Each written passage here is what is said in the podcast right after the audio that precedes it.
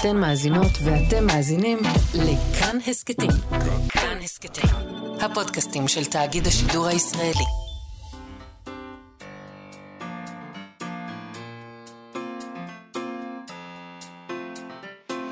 מה שכרוך עם יובל אביבי ומה יעשה לה.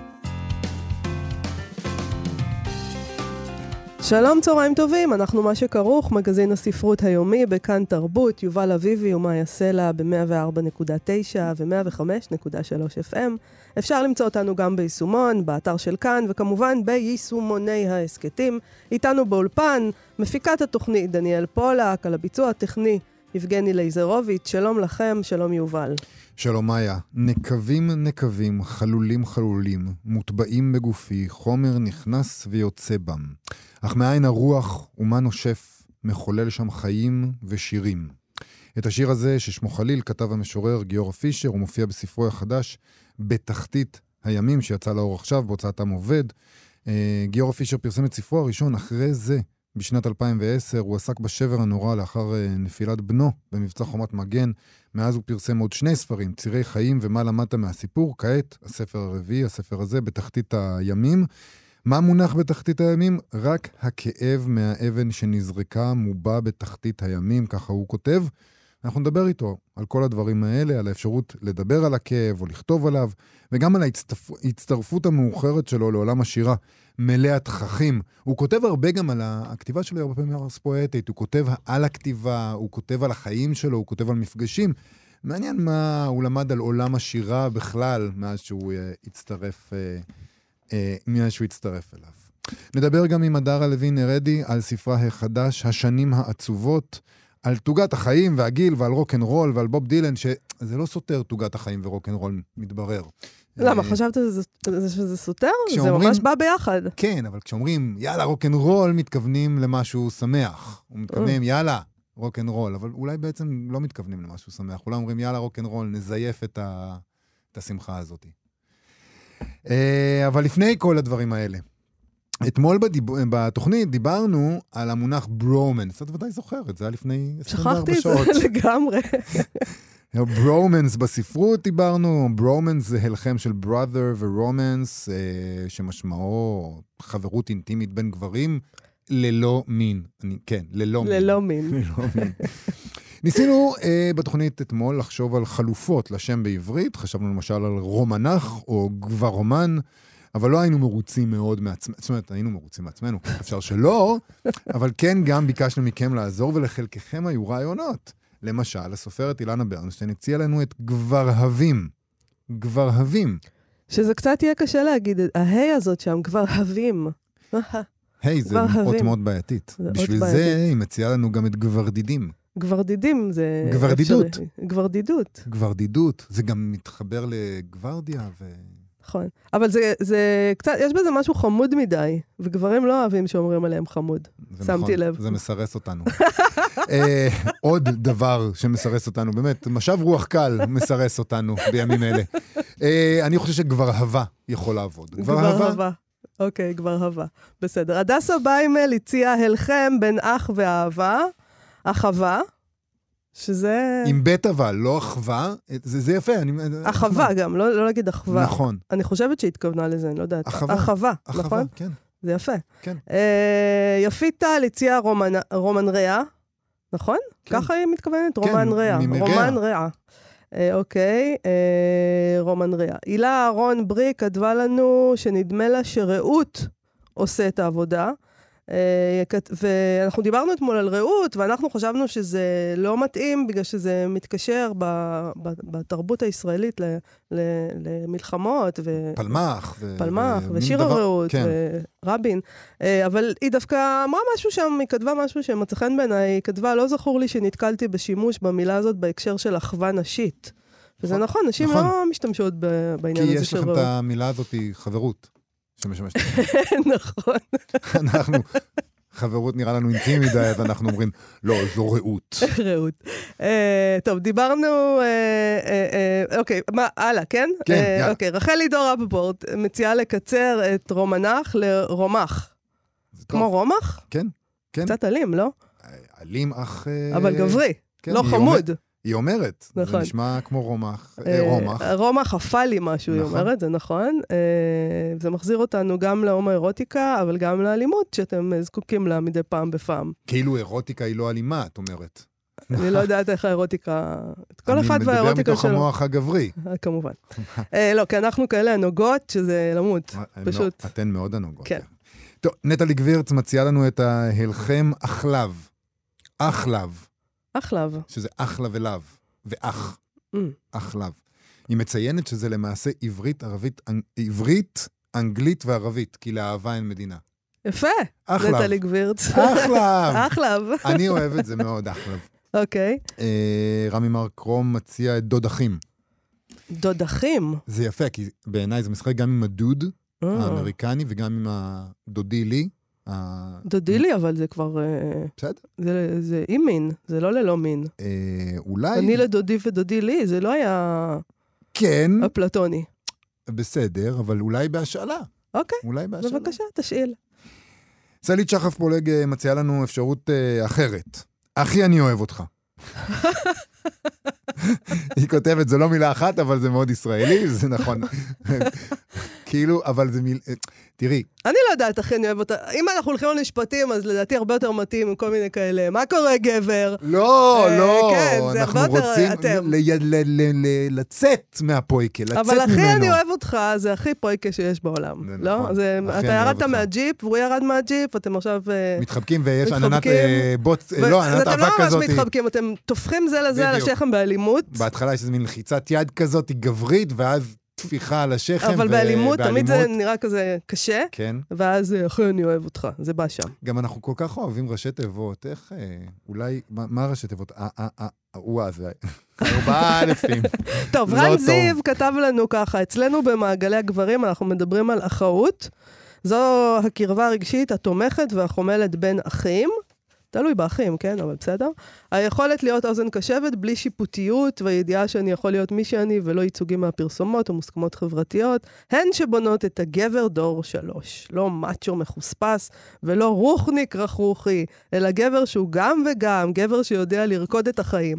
אני אומרת לך, גבר שיודע לרקוד את החיים, יובל, כן. מה שהייתי אומרת לו, כן? זה... ת, תרקוד הלאה מפה, כאילו אם אתה כל כך יודע לרקוד את החיים. מה זה גבר שיודע לרקוד את החיים? בן כמה הוא? בן 20? כאילו, מה זה? אני הייתי- הייתי בן 20.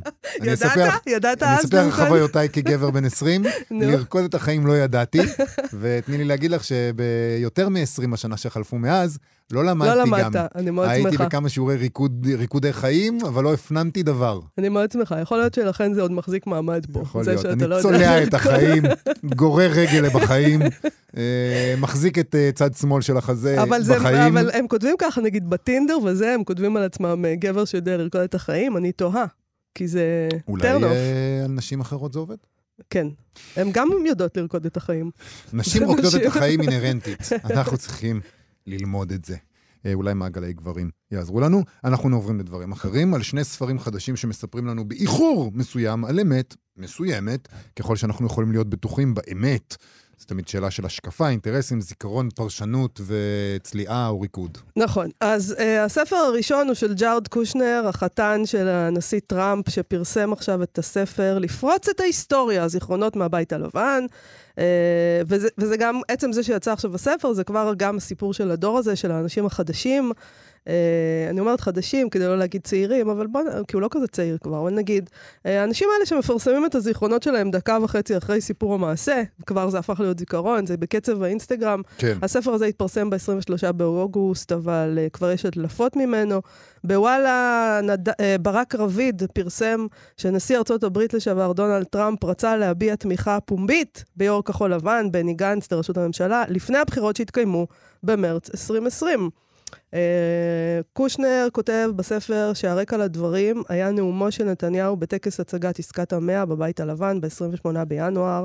במהלכו הוא הכריז כי יפעל לסיפוח בקעת הירדן וההתנחלויות בגדה המערבית. דבר שהוא טוען שהנשיא טראמפ בכלל לא הסכים לו. הוא כתב שלפני הטקס בבית הלבן, הוא ביקש בצורה מפורשת משגריר ישראל בוושינגטון רון דרמר, שנתניהו יישא נאום קצר ויתעלה מעל הפוליטיקה. ציטוט, גם בתוכן וגם בסגנון הנאום, הוא היה לא בכיוון. לא הייתה בו קריאה לפיוס עם הפלסטינים. זה היה נאום של קמפיין בחירות עבור הבוחרים שלו בבית, והוא הציג את התוכנית שלו בצורה מעוותת. אה, ככה כותב אה, קושנר, שהוסיף שהוא הרגיש חוסר נעימות כלפי השגרירים הערבים שהגיעו לטקס, אה, כי הוא הבטיח להם שתהיה תוכנית מאוזנת וכולי. לדברי קושנר, וזה אה, הדבר אה, שהכי אהבתי, כאשר הסתיים הטקס, הוא צעד עם הנשיא, טראמפ, חזרה לחדר הסגלגל, וטראמפ הביע אכזבה מנתניהו ואמר, ביבי נתן נאום בחירות, אני מרגיש מטונף. טראמפ אמר, הוא מרגיש מטונף. אם טראמפ הרגיש מטונף, מה יגידו אזובי הקיר? ממש. טראמפ הרגיש מטונף. כאילו, זה- תוכנית המציאות שהוא לא הנחה. לא גרמה לו להרגיש מטונף, אבל הנאום של ביבי כן.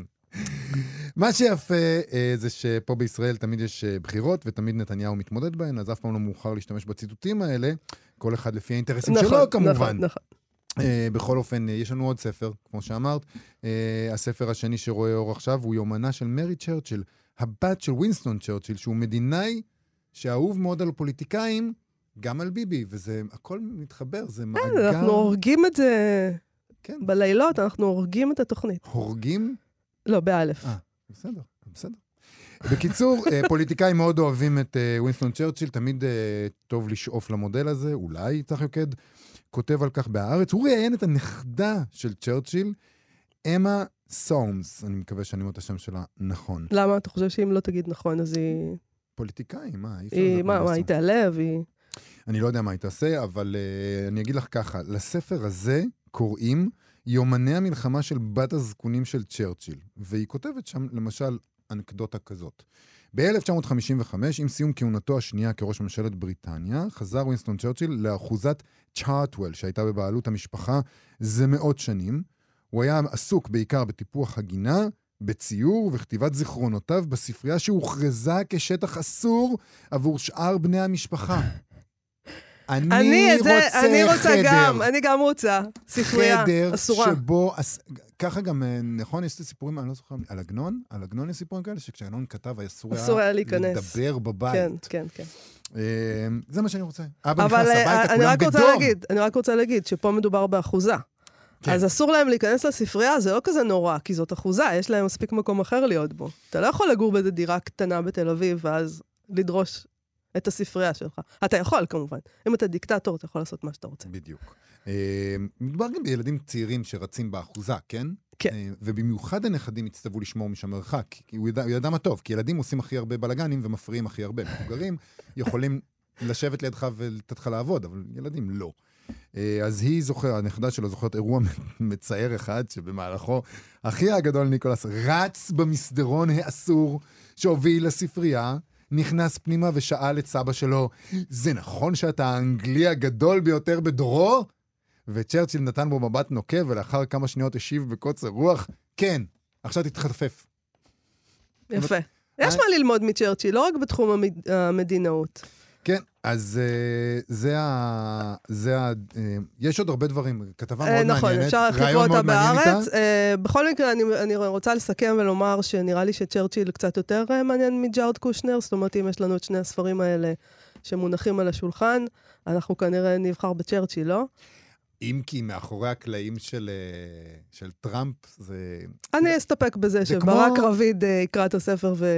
ויחזור אלינו עם זה. זה קצת כמו לבחור בין אה, סרט דוקומנטרי לקרדשיאנס, הייתי אומר. כשאתה משווה בין ספר על צ'רצ'יל לבין ספר של קושנר על אה, ג'ארד טראמפ. קושנר, לא כל כך מעניין אותי. אבל אני אגיד לך משהו, הספרים שאני באמת רוצה לקרוא על אחורי הקלעים, אני יודעת שהם ייכתבו בעוד אה, המון המון שנים. כן. זה הדבר המצער. זה כמו פרשיות היסטוריות שמספרים לנו עליהן רק אה, 100 שנה אחרי שהם קרו, אה, כשלאף אחד כבר לא אכפת וכל המעורבים מתים. כן. אה, ואתה יודע, ואנחנו רואים גם שאם הדברים עדיין מעניינים אותנו, אז הם פשוט סוגרים אותם בארכיונים חזק חזק, כמו נגיד ילדי תימן, כן. כדי שלא נדע. זה כמו- כדי, הם יפרסמו את זה בעוד 200 שנה, כשאף אחד כבר לא בדיוק. יבין על מה הם מדובר מפ- פה. הם מפרסמים את זה ככה, כשזה כבר לא משנה, קצת כמו שאומרים על בחירות, נכון? אומרים את זה על בחירות לפעמים, אם זה היה משנה משהו, לא היו נותנים לנו להצביע.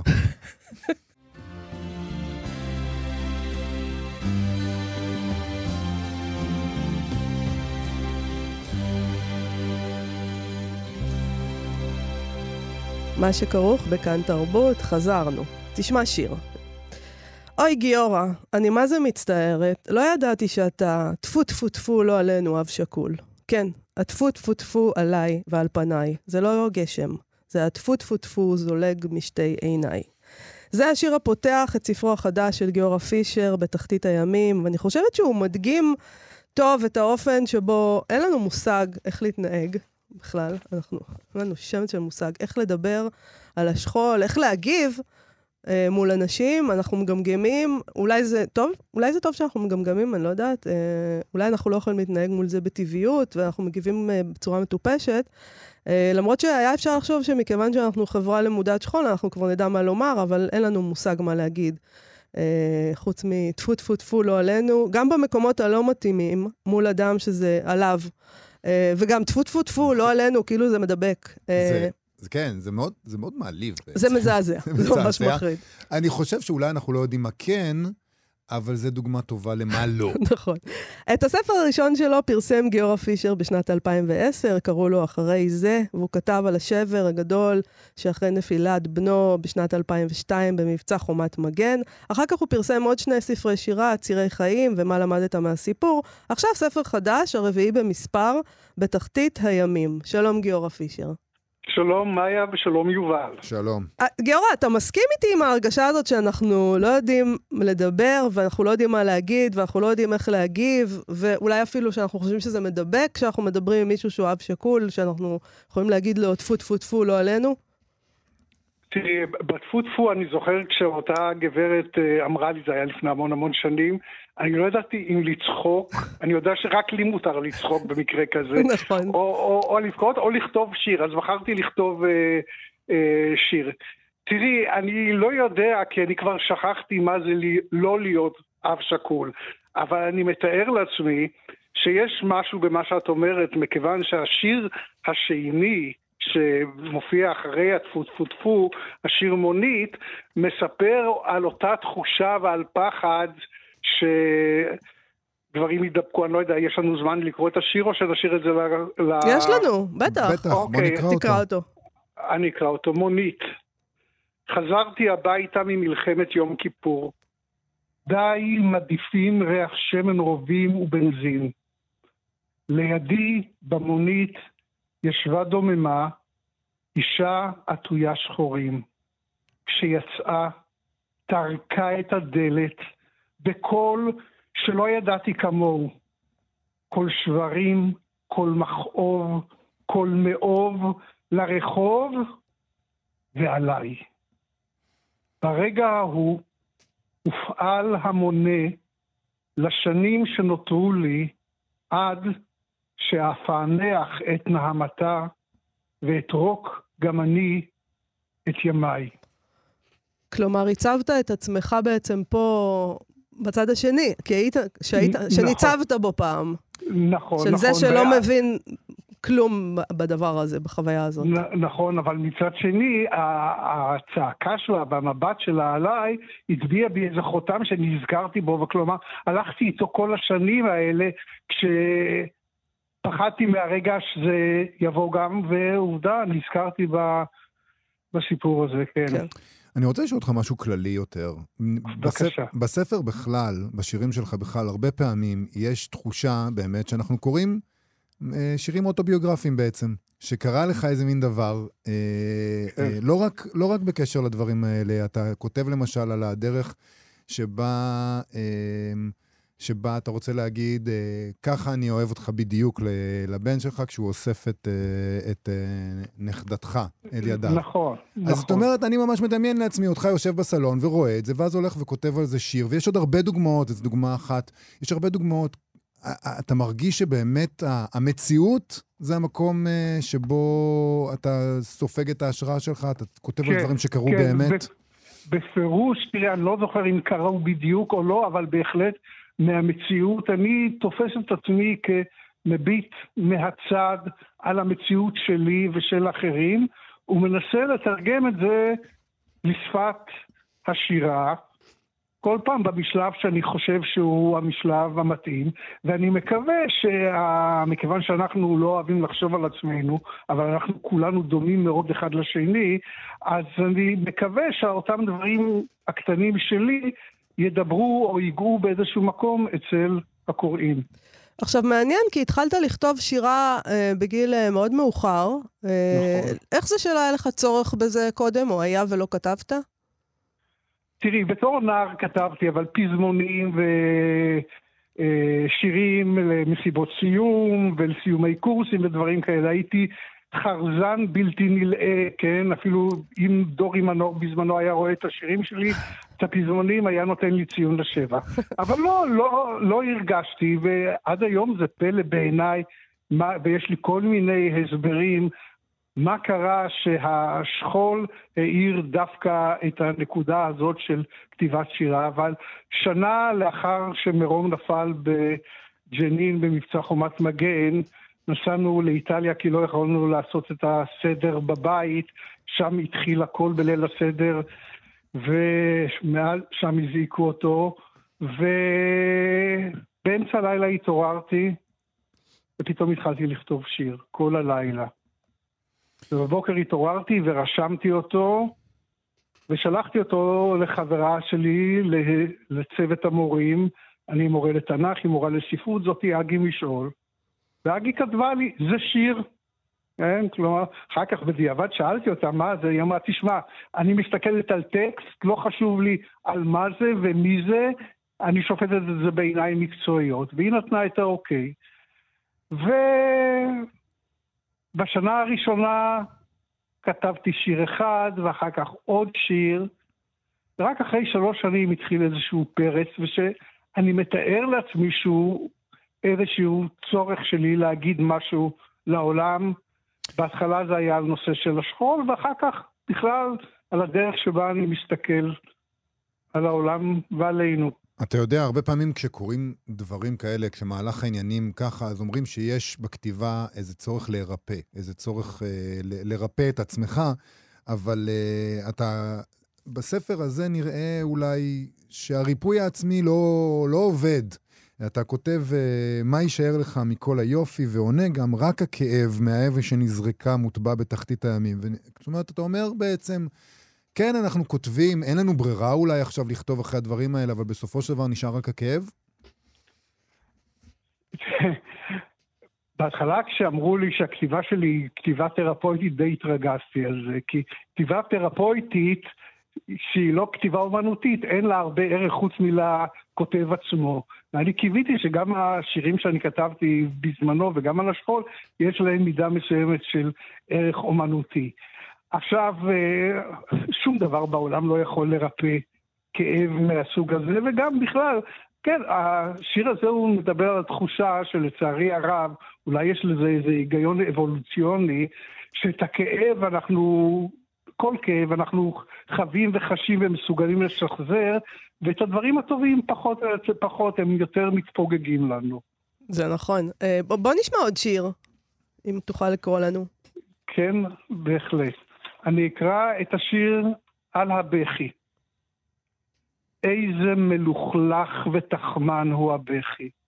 שנים אני דוחק ודוחס אותו, ופתאום, ככה סתם, בלי לדפוק על הדלת, הוא מתפרץ.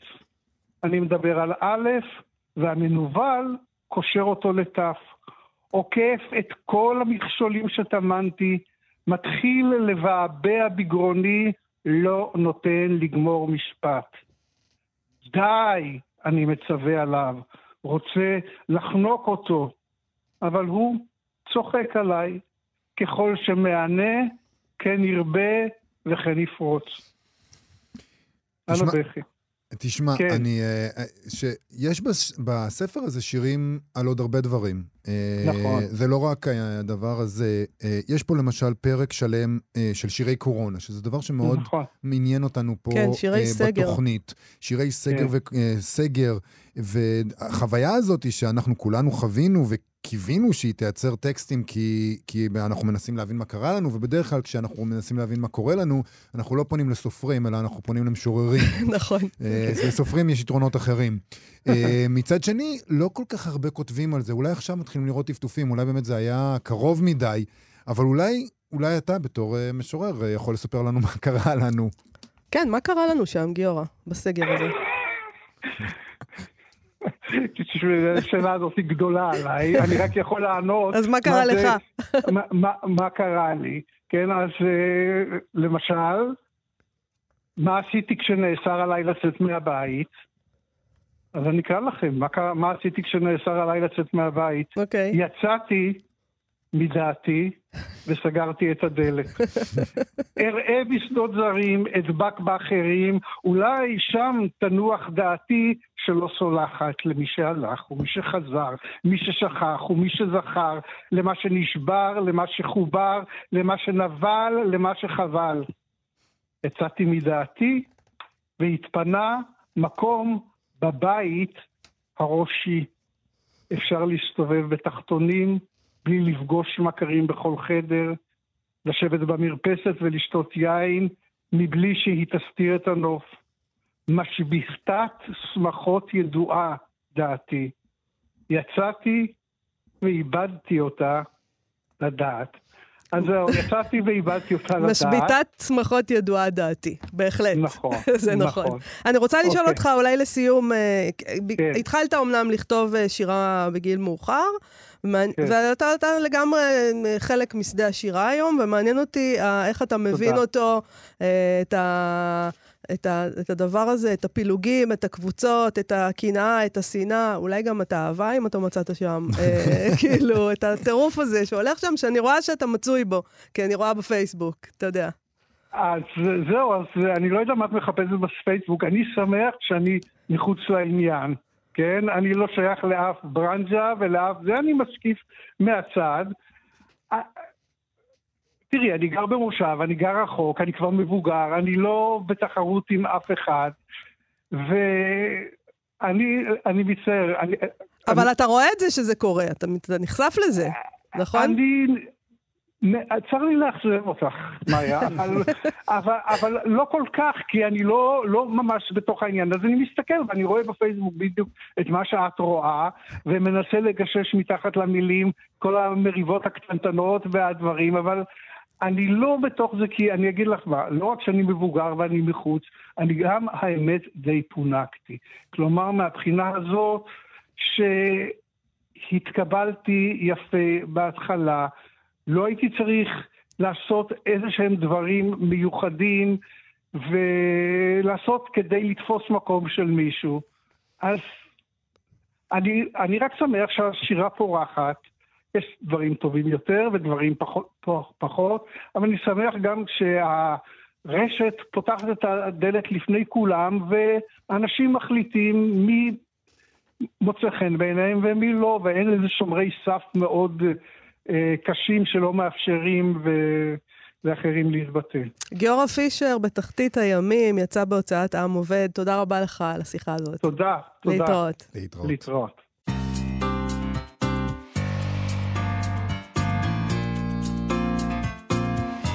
מה שכרוך בכאן תרבות. שמענו עכשיו את Why Now של הדרה לוין ארדי, אה, ואנחנו עכשיו עומדים לדבר איתה. אה, אמת למ... לאמיתה. למשל על המילים האלה. המילים האלה הן כתב הגנה על השירה, מפני העומד לבוא לקראתה. סילחו לי מראש על ההפקרות, ואסלח לכם על חוסר המשמעות של החיים שלכם. ככה היא כותבת. אה, בשיר כתב הגנה, מתוך ספרה החדש, השנים העצובות שראה אור בהוצאה עצמית, הדרה music. הדרה לוין ארדי היא מה שנקרא singer songwriter ית. אמרתי את זה טוב? singer songwriter ית. משהו. היא גם אמנית spoken word, מוזיקאית, משוררת וסופרת, והיא הוציאה עד היום שלושה ספרים ושמונה עשר אלבומים. ב-17 באוגוסט היא תופיע בבית הקונפדרציה בירושלים, תחת הכותרת אהיה אדם חופשית, הדרה לוין ארדי versus בוב דילן. שלום, הדרה לוין ארדי. היי, וואו. שלום. אני הולכת. לא, להתראות. רגע, יש לנו, יש לנו פה כתב, הגנ... פחד. כתב הגנה על השירה. השירה זקוקה ל... לכתב הגנה. מפני העומד לבוא לקראתה, את כן, כותבת. מה עומד לבוא מה עומד לקראתה? אימא'לה, אני לא, אני, עכשיו אני מפחדת ל, ל, לפרשן את עצמי ולהתפרשן. אמ, אני אבל זוכרת מתי כתבתי את זה, באמת ובמקרה. כתבתי את זה, אני בורחת, כי אני בורחת מהתשובה עכשיו, אבל אמ, כתבתי את זה לפני אחת ההופעות שהזמינו אותי בתור, אה, בדרך כלל אני אתנחתא מוזיקלית בענייני ספרות, והזמינו אותי ל- לעשות ערב אה, וולט ויטמן ובוב דילן, ואז אני השתגעתי, כמו שאגב אני משתגעת עכשיו לפני המופע הזה, מה אני הולכת לעשות, מה אני הולכת להגיד, אז, אז יצא לי השיר הזה. אמ, ואני חושבת שזה קצת כתב הגנה על עצמי. מה, מה, אני, אני, יש לי כמה דברים לומר אמ, בשירה, ב, ב, בשדות האלה, ואני לא יכולה לומר יותר מאשר השיר עצמו. את משלבת, אמרנו, יובל אמר פה, מה את? המון דברים, אה, המון תחומים, גם שתי שפות. אה, זה מעניין גם בהקשר של דילן, שהוא גם מוצג פה אד- כאדם בעל זהויות רבות. אז אה, את מרגישה קשר מיוחד דווקא אל דילן, למה? גם אל דילן, אבל כן, אגב, גם בגלל זהויותיו הרבות, גם בגלל חמקמותו מכל הזהויות שה, שהעולם מפיל עליו כל הזמן. אה, הוא לא כל כך מצליח כי לא חשוב מה הוא אומר בין השורות ובשורות עצמן, ובשורות עצמן העולם לוקח אותו כמו שהוא רוצה, כלומר כל אחד אה, בדרכו. אה, כמו שעושים בדרך כלל, אבל אני אוהבת אותו כי הוא בשבילי, המילים, פחות המוזיקה, פחות הלחן, המילים אה, הם, הם המעבר לטוב ולרוע שלי. שום דבר אינו משהו נראה. אה, אצלו מופיע השטן כאיש האלוהים, כאי, כאיש שלום, אצלו זה, אצלי זה כאיש האלוהים, זה, זה אני לקחתי לו, אבל אצלו מופיע השטן כאיש שלום. כן. אמ, והוא מעז לומר את הדברים כפי שהם, ואפילו ה- אה, ההגדרה שלו בפי העם כ- כ- אה, כאיש מחאה, המחאה שלו, בעיניי, כפי שאני קוראת אותה, היא בכלל לא מה שאתם רואים. אה, להפך, הרבה פעמים להפך. אה, בעידן הזה הוא היה, אה, אם הוא היה מדבר ב- ב- בשפה מפורשת ופשוטה, אה, לטעמי היה יוצא נגד הווקנס, למשל, אה, בריש גלי, אבל הוא, הוא עושה את זה בדרכו הבוב דילנית. אולי אז בעצם, אני חושבת שלזה אני מחוברת. אולי בעצם את, אה, את קצת כותבת על זה, את כותבת על המהפכן שמתבונן כן. על ההמון, ואולי ברגע שהמהפכה אה, מגיעה אל ההמון וההמון עושה איתה מה שהוא עושה איתה, מיד המהפכן מביט אה, משתומם ואומר, "אה, זה לא... זה לא, זה זה לא לא זה." שלי, זה לא, לא מה שהתכוונתי, הבנתם ההפך. לחלוטין אמרת את זה. אני חושבת שכל הספר הזה, אני לא, לא, לא, אה, לא מפסיקה להגיד את זה. נראה לי שכמעט בכל שיר ושיר, כאילו, אני לא מצליחה, אני אפילו חוזרת על משפטים ואני, אני, I can't say it enough, אה, וזה בדיוק זה. אה, כן. אה, יש כאן בספר אה, גם, יש כאן הרבה דברים, זה ספר מאוד עמוס, חייבים להגיד, יש פה גם כן. גושי טקסט ענקיים. הוא מאוד רוק אנד רול, ויש בו גם עיסוק נרחב בדיכאון ובגיל. נכון. שני דברים שלא זרים לי. אה, גם זה הגיל נורא לא קשה, לך? הגיל לא זר לי. זה נורא קשה, נכון? זאת אומרת, זה, זה די נדיר שמישהי פתאום כותבת, בואנה, זה ממש בלתי נסבל להפוך להיות בת 50. אה, כן, אגב, אני כבר עוד מעט הופכת להיות בת 60, אבל... אה, אולי כן. זאת תהיה חוויה יותר טובה, אני לא יודעת. לא, תעדכני. לא, אני, אני, אני, אני, אני, אני, רואה, אה, אני רואה את העומד לבוא. אני גם רואה, מסתכלת סביבי, אני גם, בדיוק אתמול אמרתי את זה למישהי, כל האנשים האלה, אני מסתכלת ברשתות, בדברת, וואו, עכשיו שהגעתי לגיל הזה אני מרגישה הרבה יותר טוב, הרבה יותר נחמד, מבפנים כנראה, וואטאבר, לא אכפת לי על הם הגוף כולם שלי. משקרים. בדיוק, ואמרתי, לא מאמינה, לא מאמינה, עוד לא מצאתי את, את זאת שאני אאמין לה.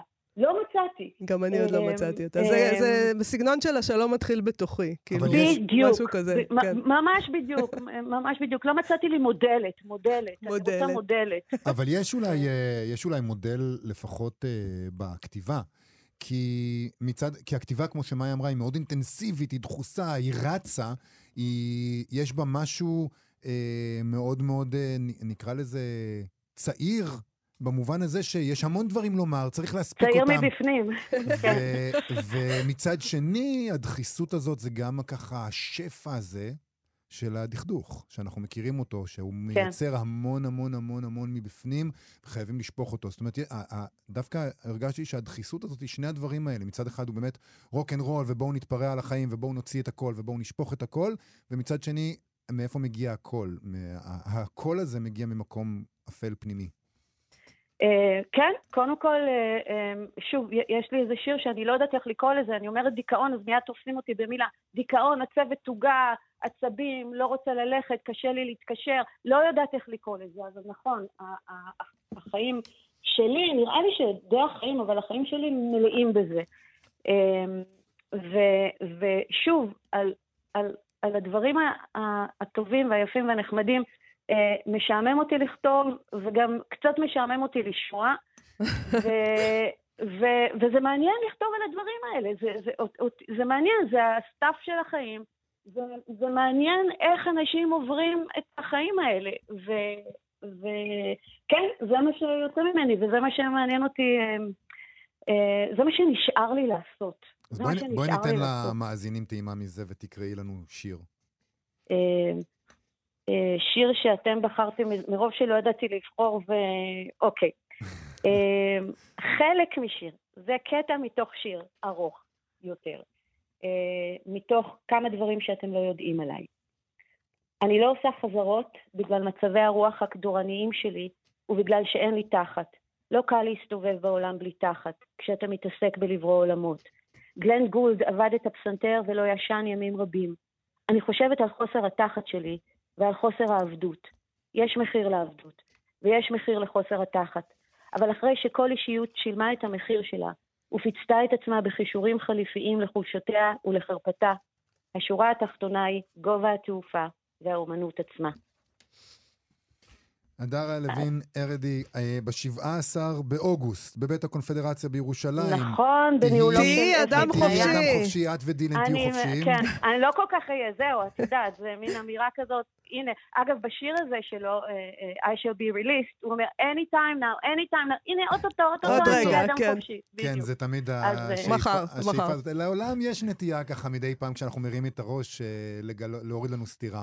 אבל אנחנו כן. מקווים שיהיה כיף גדול ב-17 באוגוסט בבית הקונפדרציה בירושלים.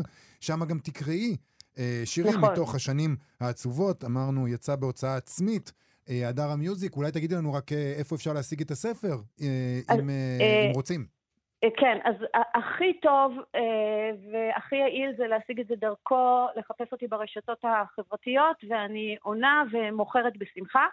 אה, אה, אם ממש לא רוצים אה, לדבר איתי, אז אה, אפשר להשיג את זה במגדלור בתל אביב, ובחנויות העצמאיות בירושלים, שזה אה, אדרבה, וספרים בקטמון, ברחביה, בעמק רפאים. אבל הכי הכי טוב זה ישיר ממני.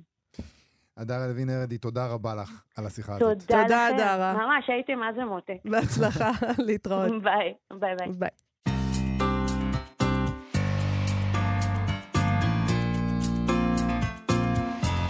אנחנו מה שכרוך בכאן תרבות. יש לנו בשורות משמחות אה, לסיים איתן, אני בטוח שכולם חיכו להן. אה, סטארט-אפ אמריקני בשם Book Tokens. אה, אסימוני אסימוני ספרים? אסימון, token זה אסימון? זה... כן, כי ככה, כן, ככה קוראים לזה. בסדר.